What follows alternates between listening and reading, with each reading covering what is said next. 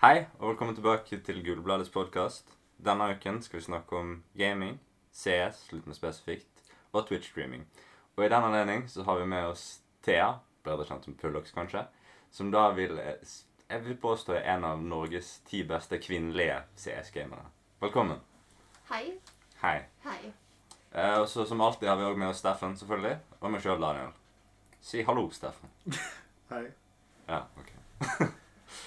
eh, Ja, I dag skal vi snakke litt om gaming og CS, som var et av mitt hovedspill. Som jeg vet Thea også spiller veldig mye. Og Daniel er litt mindre viten på det temaet her.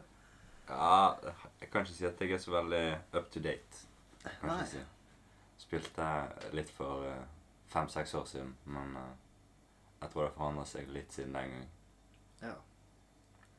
Eh, men du, Thea, du spiller da Har spilt ganske høyt oppe i divisjonene i Tedeligaen. Eh, nå sist var det vel i andre divisjon. Så eh, da spilte du for et lag som het 727 e-sport, var det? Ja. Ja. Jeg spiller trippel sju. Trippel sju. Ok, Trippel syv. trippel sju. I andre div. Er det pga. de sju fjell? Jeg vet ikke. Jeg spurte Er, ikke. er det et sånt bergenslag? Det er vel basert Altså, det er jo lagd av Kjartan Lauritzen. Han er jo fra Sogn og Fjordane, i hvert fall. Ah. Det er vel Han er jo i hvert fall med i styret, vil jeg anta. Ja, Thea, du kom jo nå inn i andre div på 727, men du var også på et lag før det. Hva er det som fikk deg til å bare plutselig hoppe inn der? Vi hadde et lag på fem stykker der vi bestemte oss for at nivået på to av de, altså mine nærme venner som jeg har spilt på lag med i flere år, var for lavt. Eh, Så vi endte opp som tre. Og det å finne en igel i kvinnescenen er ekstremt vanskelig. En god igel. Som faktisk kan lede et lag på en bra måte. Så når Lotta spurte meg om å spille, der hun allerede hadde funnet Marita, altså Minni som igel, så så jeg det som en fin mulighet til å kunne prøve det fram. For jeg har ikke noensinne vurdert å spille med norske spillere før. Så det var en måte for meg å kanskje branche litt ut, og ikke bare spille internasjonalt. Så jeg tok det som en bra mulighet for meg å kunne utvikles litt eh, innenfor Norge i hvert fall. Og det var interessant å kunne spille TR igjen. Med tanke på at jeg spilte tredje med mine venner fra Elefantus Gigantus. For gøy. Og det er en fin kontrast å spille eh, i forskjell med tredje og andre div. Ja, for dere hoppet jo da rett inn i andre divisjon. Hvordan følte du at det gikk? Det gikk ekstremt dårlig. For å si det kort sagt. Eh, vi ble grust. For nivået i andre liv er mye høyere enn det har vært før. Ja. Altså, ikke, det er ikke en ny ting. Det har jeg vel vært over et par sesonger. Og det er en bra ting for norsk CS at andrediv-spillere spiller så bra som de gjør, og de klarer å bygge opp solide lag uten å ha den støtten eventuelt første de spiller på. Så klarer de fortsatt å bygge utrolig solide lag og utrolig solide spillere som kan videreføre inn til første div, når de i første div eventuelt eh, blir for gammel eller flytter seg videre til nye prosjekter utenlands. Så vi ble direkte knust. Alle kamper tapte vi, som er litt kleint. Men vi lærte Eller iallfall jeg personlig lærte en del. Og jeg lærte en del om hvordan norsk CS spilles i forhold til internasjonal CS. Spesielt i forhold til sånn ECA Open, for eksempel, som vi har spilt tidligere. Eller ECA Intermediate, som vi har spilt.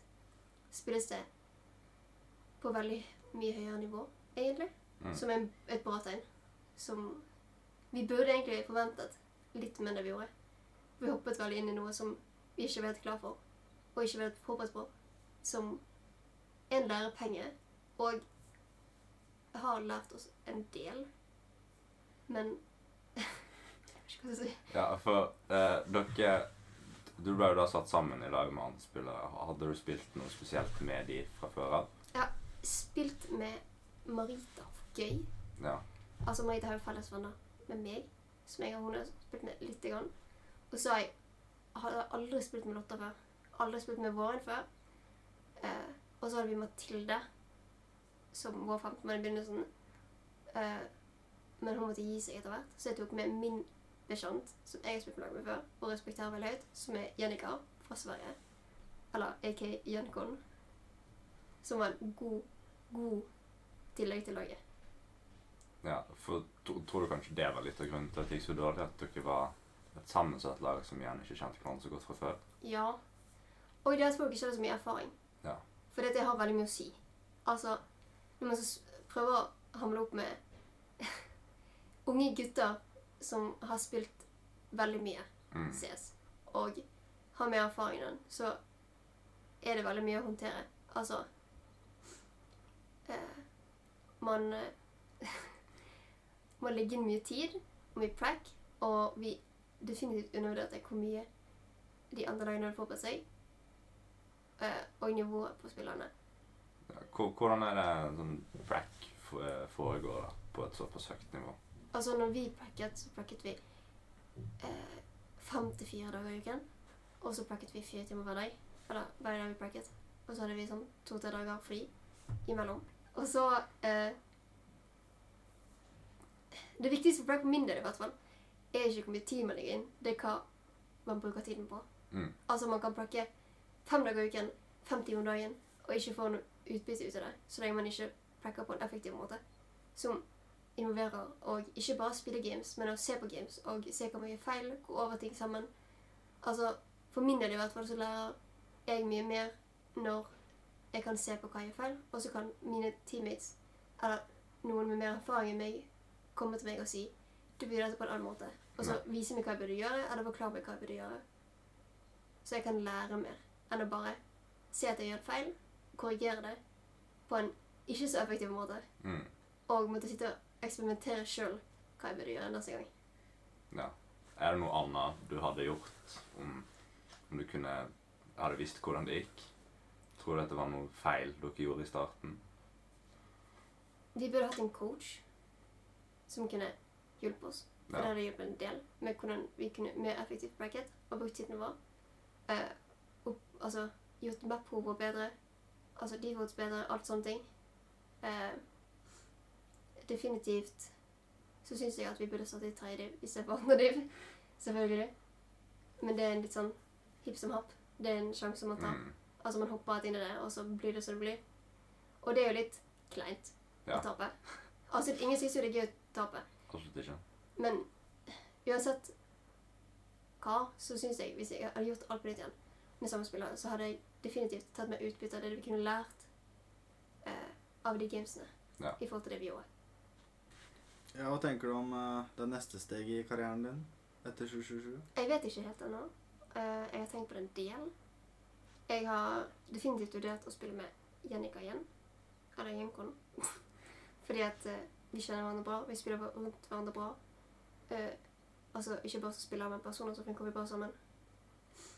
Men uh, jeg vet ikke om det eventuelt blir å ta litt pause. For jeg har gønnet på med lag CS så lenge at jeg kanskje har lyst til å utvikle meg sjøl. Altså min selvtillit in game, eksempel.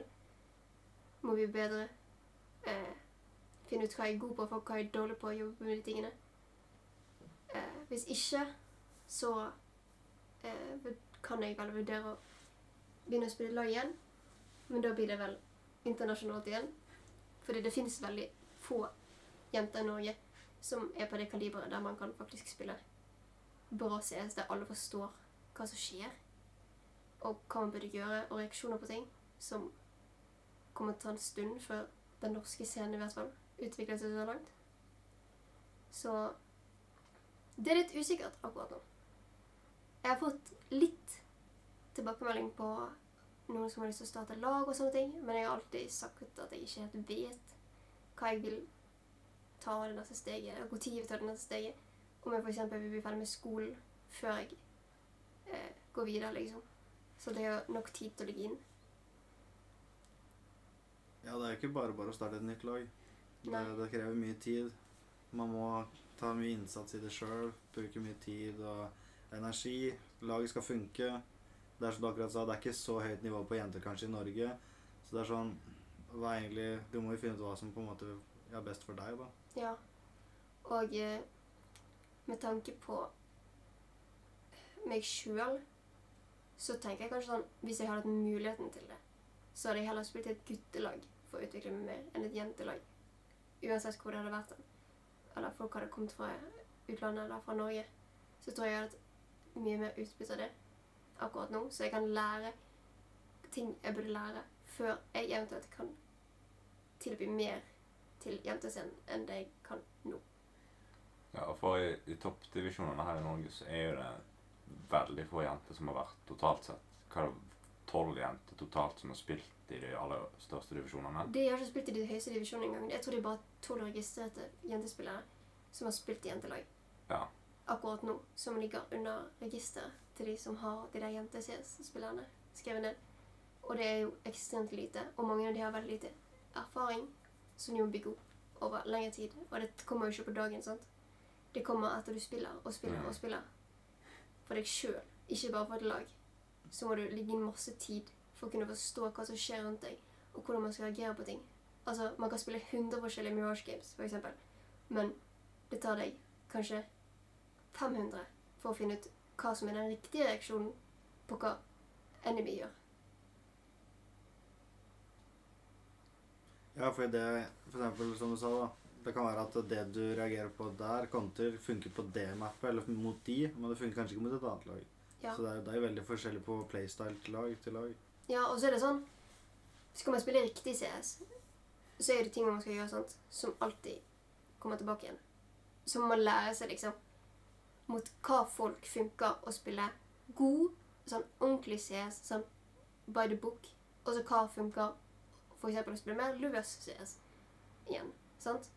Altså, man kan ikke alltid spille én spillestil, man kan ikke alltid spille på én måte. Man må kunne variere måten man spiller på, måten man piker på, måten man gjør ting på. Altså Om man alltid flasher AP-en, så kommer man bare til å droppe vinkel sant? og flytte seg et annet sted. Og ja, det er bra ting, men hvis man kan for gjøre det på en annen måte, så man får drept han, og ikke bare får den tilbake igjen, så er det enda bedre. sant? Ja, for ellers vet du plutselig ikke hvor han dukker opp neste gang. Ja, Oi, der Ah, det. Altså, Det er jo sånne ting. Altså Man må bare kunne finne ut hva som funker, og hva som ikke funker. Og det tar jo veldig lang tid sammen. det gjør det. Det krever mye tid. Og det er det jeg føler jente-CS har slet med ganske lenge. Det er der man liksom kan sammenligne norske lag og jente-CS. Er det at det er en veldig liten scene. Og det har vært det før. Noe som jen- altså, jente-CS bygger seg opp. Norsk CS har bygget seg veldig mye opp i forhold. Og jeg føler liksom det at når folk spiller lenge sammen, at de lærer mer sammen, og det blir mer kjemi, og man får mer utbytte av å spille i lag, i stedet for bare skal pugge. At uh, for eksempel at man pugger som venner blir liksom countet av folk som faktisk spiller ordentlig CS sammen, istedenfor at andre skal funke, så er det en veldig stor fordel for hele community, liksom. At det ikke bare skal bli fordel for å pugge mot hverandre. At man skal faktisk ta det seriøst. Og man vinner på å ta det seriøst. Ja, det du sier der, fordi jeg merker jo på pug games og team games, det er jo det er to vidt forskjellige verdener å spille på. Ja. Liksom, det, er, det er mye gøyere å spille på et lag hvis du faktisk har et lag du kan spille godt sammen med, som har god kjemi. Dere funker bra. Det er liksom, når dere kommuniserer på topp der, så er det dritgøy å spille CS. Da er det gøy. Men liksom, er det solo-key og du bare får random som bare gjør sitt, så det, det blir bare tilt. Det blir bare åh. Ja, da ender man opp med å bare lære ting om seg sjøl, og ikke hvordan man skal spille rundt andre folk. Og det, det vinner deg jo ikke games. Nei, altså at å spille 5000 timer med pugs lærer deg nesten ingenting om teamplay. sant? Det lærer deg om hvordan man skal agere uten kommunikasjon, som òg er en bra ting. Men når du har den kommunikasjonen som backer det opp, så kan du spille på et mye høyere nivå individuelt. Altså man kan trenger ikke se på minimap engang. Man skal vite hvor alle er. Og det er selvfølgelig en bra ting å se på minimap òg, av og til, men man skal liksom kunne eh, fungere som en, en sammensatt unit, da. Uten å måtte se på minimap hele tiden. Være bekymret for at noen holder vinkelen. At alt skal liksom være klart om hvordan folk holder deg og sånne ting. Så det må- jo liksom fokuseres på og faktisk prioritere å spille lag-CS og pugs på forskjellige måter. Ja. Men eh, hvordan var egentlig kjemien i 2027? I og med at det var nye. OK. Altså, det var forskjellige folk som ikke har spilt med hverandre før. Og jeg tror det var litt uenigheter med hvordan man skal spille CS, som ofte kommer opp med lag som ikke kjenner hverandre. Og det tror jeg kan være et, et stort hinder, fordi man blir alltid fornøyd med hvordan man skal spille. Og hvis man ikke er fornøyd med hvordan man spiller CS, som altså grunnlag CS, så funker det liksom ikke. på en måte. Altså Noen folk liker strats bedre, noen folk liker å spille løs bedre, noen folk liker å spille defaults, noen folk liker ikke å spille defaults, noen folk vil ha executes ved ene zone. Altså Det er veldig forskjellig hvordan man velger å spille. Ja, jeg har jo spilt på flere lag, men jeg har ikke vært så, så høyt. Men der også har det vært litt sånn Noen av IG-ene var sånn Hadde kanskje to-tre defaults, og så måtte man ta det litt som det kom. Og så var det noen som bare vil ha ett default-oppsett, og så bare tar man det litt som det kommer. Liksom ser han hva de andre spiller, da, hvordan de liksom plasserer seg. Ja, Så man tar det derfra. For du kan sette også mange defaults og executes du vil, men det er ikke sikkert de funker i praksis mot de lagene du skal spille mot. Nei, det er det jeg tenker også at Altså, det er fint å ha noe folk tilbake på. Uansett. sant? Hvis defaults ikke funker, du kjører Altså, har du eko, så vet du hva du skal gjøre, liksom. sant? Du har sydd opp Altså Executes ikke det beste man kan ha, men set plays er ganske bra. Sånn eksempel på CT, at man har en måte å ta kontroll over en del av mappet på en ordentlig måte. Sånn at man faktisk kan gjøre det for å gjøre sånn at ikke terroristene har kontroll over alt, som gir deg en stor fordel. At man liksom er klar over at å ha kontroll over deler av mappet gir deg en fordel. Å forlate det må du ta over noe nytt. Sånne ting kan man ha liksom struktur på og vite hvordan man skal gjøre ting. Men det å ha setshots hver runde kan være en veldig stor eh, Hva heter det? Ikke fordel. Ulempe. Ulempe. Det heter ulempe. Det kan være en stor ulempe å ikke å ha setshots for alt, for det kan man countre. Man kan se hva smoke som kommer, og hva man skal gjøre. For det er jo, CT er jo egentlig veldig viktig egentlig holde på utility lengst mulig på en måte, men av og til så må du bruke den tidlig for å ta kontroll. Ja, Men du, du må se litt om playstylen til T-siden først, før du kan vurdere om hva du bør gjøre. Fordi si du tar for eksempel Inferno da, si du tar banankontroll tidlig, så kan det plutselig bite deg ræva etterpå, for da har de masse utility å bruke på B-execute, og dere har ingenting igjen. ja, altså så lenge man Altså, banan, da. Så er det sånn Hvis de tar banan først, og så må ta man tilbake Mm. Det kan òg være et advantage, liksom. Med tanke på at de står uforberedt. Man må liksom se hva enemy gjør, og adapte til det. Altså må man tvinge enemy til å adapte til det dere gjør. Altså det er liksom en sånn powerplay da, mellom Mm. de to lagene, som er ganske fantastisk å se på, i hvert fall, når det gjøres riktig. Helt riktig. Men har du noen tips til folk som vil bli bedre i CS? Sånn som Daniel her har jo begynt å spille bitte litt nå med meg og Rikard. At game. Ja, et game. et veldig dårlig game. Men liksom har du noen tips til nye spillere, eller erfarne spillere som vil kanskje ta det steget, og komme på et lag? Hva er det de bør fokusere på før de eventuelt joiner et lag? Noe de kan gjøre som spillere for seg sjøl? Altså Det første du kan gjøre i CS, er å altså, skape gode vaner. Altså Som for eksempel å spille DM, da. For eksempel gjøre deg best mulig før du eh, vil gjøre et lag best mulig. Fordi hvis du sliter med kommunikasjon, sliter med aim, hvis du er ustabil, hvis du er stresset og sånne ting Det er sånne ting du kan jobbe med sjøl, som er ganske fint å ha klart for et lag. For det, det kan skape store ulemper hvis du skal spille med andre folk og ikke kommunisere riktig, f.eks.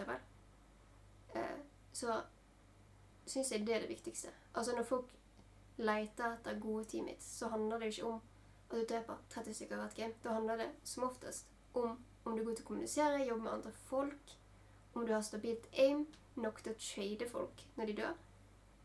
At man kan liksom hjelpe til inni spillet, ikke bare på kills. Jeg er helt enig der, fordi det var vel et Taylor-liga-game, tror jeg, Charles Scream, spilte jo mot et lag. Jeg hadde ikke det beste aim-dagen, men jeg gjorde det beste jeg kunne for at laget mitt skulle få mest kills. Så det endte med at han som var BM-player med meg, fikk mest kills, fordi jeg flasha og gjorde alt jeg kunne for at han skulle få kills. Ja, det er det det handler om, liksom. Altså at vi må sitte, altså, man sitter andre folk opp for å gjøre bare ting. Med å gjøre det man skal gjøre, liksom. Som å flashe. Som å eksempel gå inn først og la den andre personen trade deg. Det er mange mulige måter man kan gjøre det på. Men man må bare være klar over de måtene og hva de resulterer til, på en måte. At eksempel hvis jeg bestemmer meg for å gå inn først, og så sender jeg en person bak meg for å trade kille Sant? Det er mye lettere det enn at du går inn alene og Ja. prøver å gjøre alt sjøl. Som en superhelt. Er, det er noen som sier at det viktigste i CS er jo trading. Ja. For trader du uansett hvem som vinner eller taper det tradesa, så vil du ende opp på en god side uansett. Ja. Altså sånn, hvis du går inn, og han dreper én, og du dreper han Hvis du er terrorist, så har du advantage, advantage liksom. Uansett. Så det, det er viktig å kunne være klar over hvordan man gjør sånne basic ting. Og det får man ut av eh, spille i lag, én ting. Men å spille pugs på en bra måte, effektiv måte. Altså tenke på hva man kan gjøre bedre. Tenke på hva kan jeg gjøre nå når de gjør dette? Og se om det funker. Hvis det ikke funker, så prøver du noe nytt. Og hvis det funker igjen, så kanskje du kan prøve å gjøre det på en bedre måte neste gang. Så funker det enda bedre. Istedenfor bare Ting skjer, jeg gjør det samme som jeg alltid gjør. For da lærer du ingenting. Uh, Twitch, er det en ting du har drevet på med? Jeg har streamet lite grann. I Ja. hvert fall før vi til Copenhagen Games i forfjor. Så streamet vi en del på det laget jeg spilte med. For å tjene inn penger kunne dra til Danmark. Og funka det? Fikk ja, du nok vi fikk eh, inn nok penger. Vi fikk sånn Jeg tror vi, vi spilte under en organisasjon som betalte flybillettene. Og så tjente vi inn Nesten alle sammen tjente inn 5000 kroner hver. Så vi hadde nok til å betale for sånn Airbnb og mat og alt sånne ting. Ja. Ja, du sa jo du har streama litt på Twitch. Syns du det er noe forskjell på å være jente eller gutt på Twitch? Liksom, Tror du det har noe å si på, på gamingnivå? da, liksom, Er du god, så ser folk på deg, eller er du dårlig, eller utseende, eller andre ting? Altså I min erfaring så Ja, for når jeg har streamet sjøl, så kommer folk på streamen og så tror de at jeg er dårlig. Eller de gir meg ikke så mye respekt. Altså, De forventer liksom at det skal være bare noe fint å se på, da. Så er det ingenting å se på, bortsett fra gameplay. Og så syns ikke de kanskje det er så interessant, for jeg innser at jeg faktisk kan spille. Men jeg tror kanskje at jeg har en fordel i forhold til mine Hvis mine guttevenner, som nesten eller er litt høyere nivå enn meg, skulle streamet, så hadde, tror jeg jeg hadde et, et, eh, en fordel i forhold til views. Fordi jeg er jente. På en måte. Ja. Nei, det er litt det å føler, liksom, selv om det er jo mange flere gutter som prøver å streame på sikkert både proft og vanlig semi-pro-nivå. Men det er ikke sikkert de får like mye views, med mindre de er veldig kjente i det landet. da. Jo, Sånn som Apex-laget, da.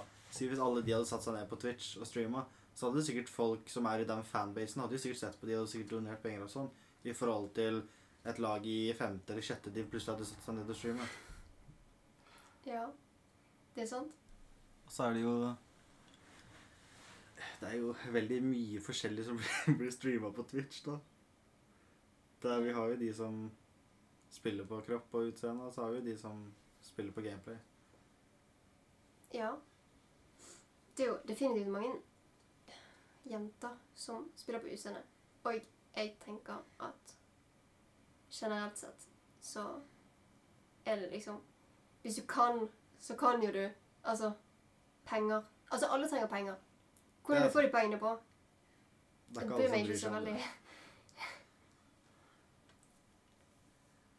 Men det er liksom sånn Det skaper jo litt sånn dårlig stemning, åpenbart, mellom Twitch-streamers. At noen streamer kropp, og noen streamer gaming.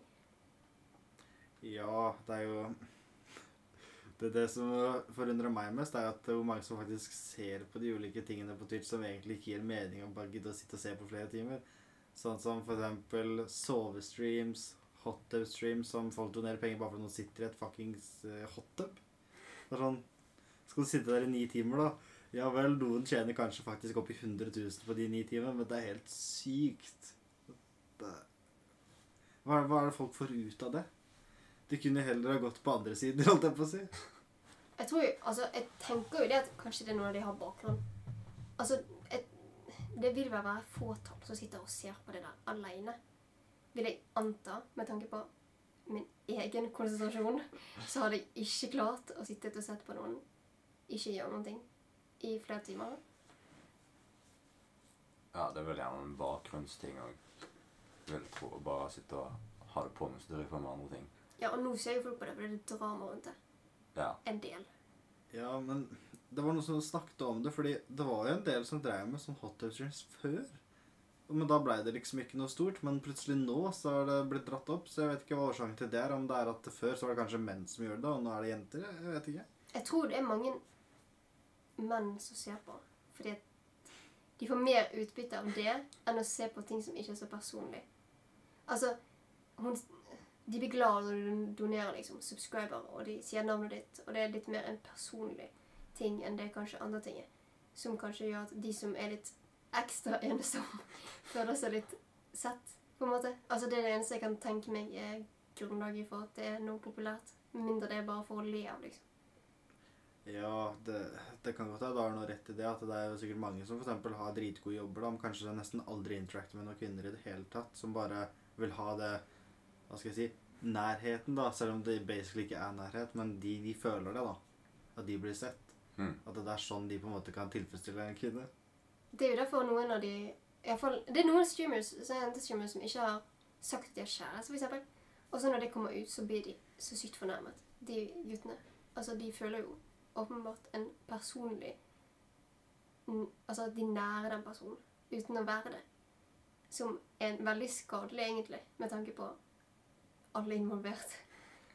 Ja, jeg, jeg vet ikke om det her er sant, men jeg har hørt folk som har spekulert i at det var en streamer, sånn jentestreamer da. Jeg vet ikke om hun spiller på kropp eller hva hun gjør, men hun bare sitter og snakker, tror jeg. Men hun hadde tatt og stalka folk som donerte penger, for å se hvordan liv de hadde, og liksom blackmaila de. Hvis de hadde mye penger, visste at de hadde masse penger og sånn, så ble de prioritert mer. Og så hvis de hadde type, eller ikke type, men hvis de hadde kone og sånn, så ble det liksom exposa. Jo- Jeg vet ikke om alt det er sant, men det er sånn Det er sykt. liksom. Forundrer meg ikke. Det er mye rare folk som er ute på internettet. Ja. Ja, det- det er det jo. Det er jo folk som cheater og alt sånn. Mm. Så hvis det er noen som plutselig har donert sitt 1000 dollar til en jente på nett, og så har hun kone og barn hjemme, liksom, så er det sånn Jeg tror ikke kona hadde blitt så veldig fornøyd da. Nei. Nei. Det er vel en måte å rømme fra virkeligheten på, vil jeg anta. Men det er litt Det er en plattform. Altså den plattformen der, når hot up streams og sånne Altså sånn mildt seksuelle streams kommer opp, så tror jeg det skaper en negativ ting for alle, på en måte. Altså at Ja. jentestreamers kanskje blir forventet å gjøre det samme. Altså uansett hvem det er. Og det er urettferdig. At folk burde liksom være klar over at hvordan dette er, liksom. Altså Hvorfor gjør de dette, for det første? Altså, Det er jo ikke for at de vil at spesifikt en eller annen skal se på. Det er fordi de har lyst til å tjene penger. Og det er jo respektabelt nok, for det er jo lettjente penger. Ja, det, det er samme som, som vi snakket om i stad, med Onlyfans, at folk tjener penger der også. Men at det litt, kan være litt farligere å gjøre det på Twitch. Fordi som du snakket om, at eh, du trenger jo ikke å ha en bruker engang for å se på det. Så sånn, si hvis det er en 11-12-13-åring som går inn og ser på Twitch da, uten å ha en bruker, så er det hm, er det her normalt? liksom, Så plutselig begynner de tidlig da, med at de kan streame på Twitch. Så begynner de også. Det er sånn, Da ender vi opp med en syk verden hvis 13-åringer begynner å stå i bikini på stream. og... Man normaliserer liksom og seksualisere kvinner, vil jeg si. Ja, det er jo basically det de egentlig gjør. Mm. Selv om, men jeg skjønner ikke hvorfor Twitch lar det være lov. Liksom, Ja, det er bikini, men liksom De har jo vært strenge på andre ting, liksom. Ja, man altså, kan jo argumentere over at damer skal kunne bestemme sin egen kropp. Men jeg tror det er pluss og negativ. Altså, pluss og minus med alt. Altså, pluss at damer kan eie sin egen kropp, eie sin egen seksualitet og bestemme hva de skal legge ut. Negativt at det kanskje kan gå utover hvordan man Altså, hvordan menn ser på kvinner i en negativ måte. Og det mener jeg ikke at jeg ser på noe negativt med de kvinnene, noe sånn personligvis, for eksempel. Men at det kanskje blir stereotypisk at jenter forventes å gjøre dette. Ja, og det er jo, du vet jo aldri hvem som sitter og ser på. Det kan jo være noen som sliter med ting sånn mentalt. Ikke sånn dårlig mentalt, men liksom har, har litt syke tanker, da, som plutselig kan ta ting til neste level. da, Hvis de føler at den jenta for eksempel hadde gjort alt for de, eller hvis de får sånne vrangforestillinger, så kan det ende bad. Ja, det er jo mange folk som har endt opp med å bli stalket og sånne ting Mm. Ja. på Twitch. Og det er jo altså det er jo selvfølgelig politiet sitt ansvar å gjøre noe med det, men det er jo òg noe restriksjoner på hva de kan gjøre. Ja, det er akkurat det. Det er liksom Det blir feil å si at uh, jenter på Twitch som er dritkjente, skal forvente det. Det blir feil å si også, men man veit jo aldri hva folk gjør på nett. Det Det- folk, folk kan stalke oss tre uten at vi vet det. Ja. Altså- Jeg har stalka deg, Steffen, siden et halvt år. Ja, ikke sant? Ja. Jeg tenkte meg dette. Mm. Altså, jeg har flamet en fyr på Faceit, og han har funnet Facebook-filmen. Eller Facebook-profilen og sånn med melding. Liksom. Og så unnskyld fordi jeg var toxic. Altså, det er sånn OK, nå gikk det over 10 000 altså, Boundaries. grenser. Og det er sånne ting. Det er sånne små ting. Altså, du vet ikke hva du møter. Altså, det er en sjanse man tar når man velger å være public, på en måte.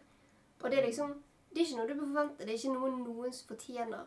Men det er liksom Det er noe som ligger i det, på en måte. Vil jeg si. Sant. Det samme med at folk er toxic. Det ligger liksom i det.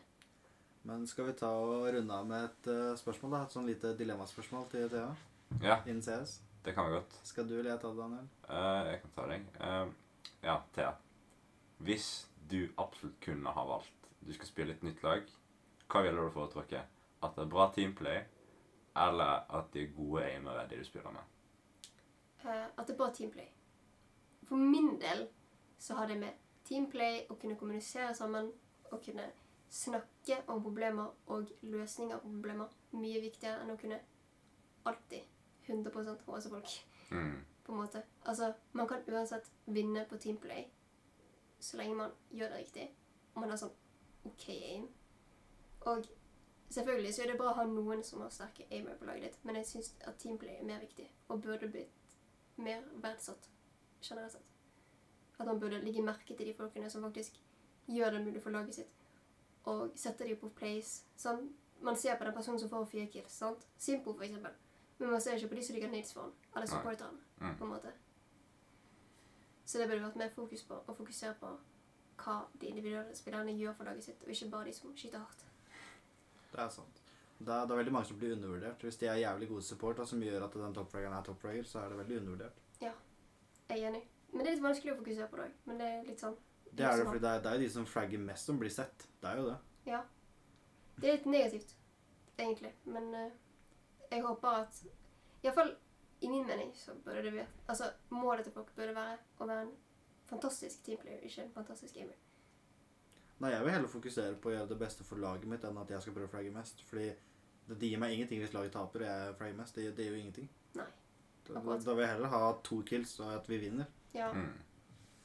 Jeg tror det er et viktig fokus å ha når man skal spille CS. At man fokuserer på hva man kan gjøre bedre for andre, og bedre for seg sjøl. Ikke bare å drepe folk. Ja. ja. Det var et bra svar.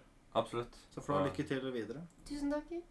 Mm. Og eh, så sier vi takk til deg, Thea. Takk til deg, Steffen. Takk til meg sjøl, Daniel. Og takk til deg som har hørt på, forhåpentligvis. Og så høres vi igjen, forhåpentligvis, ganske snart.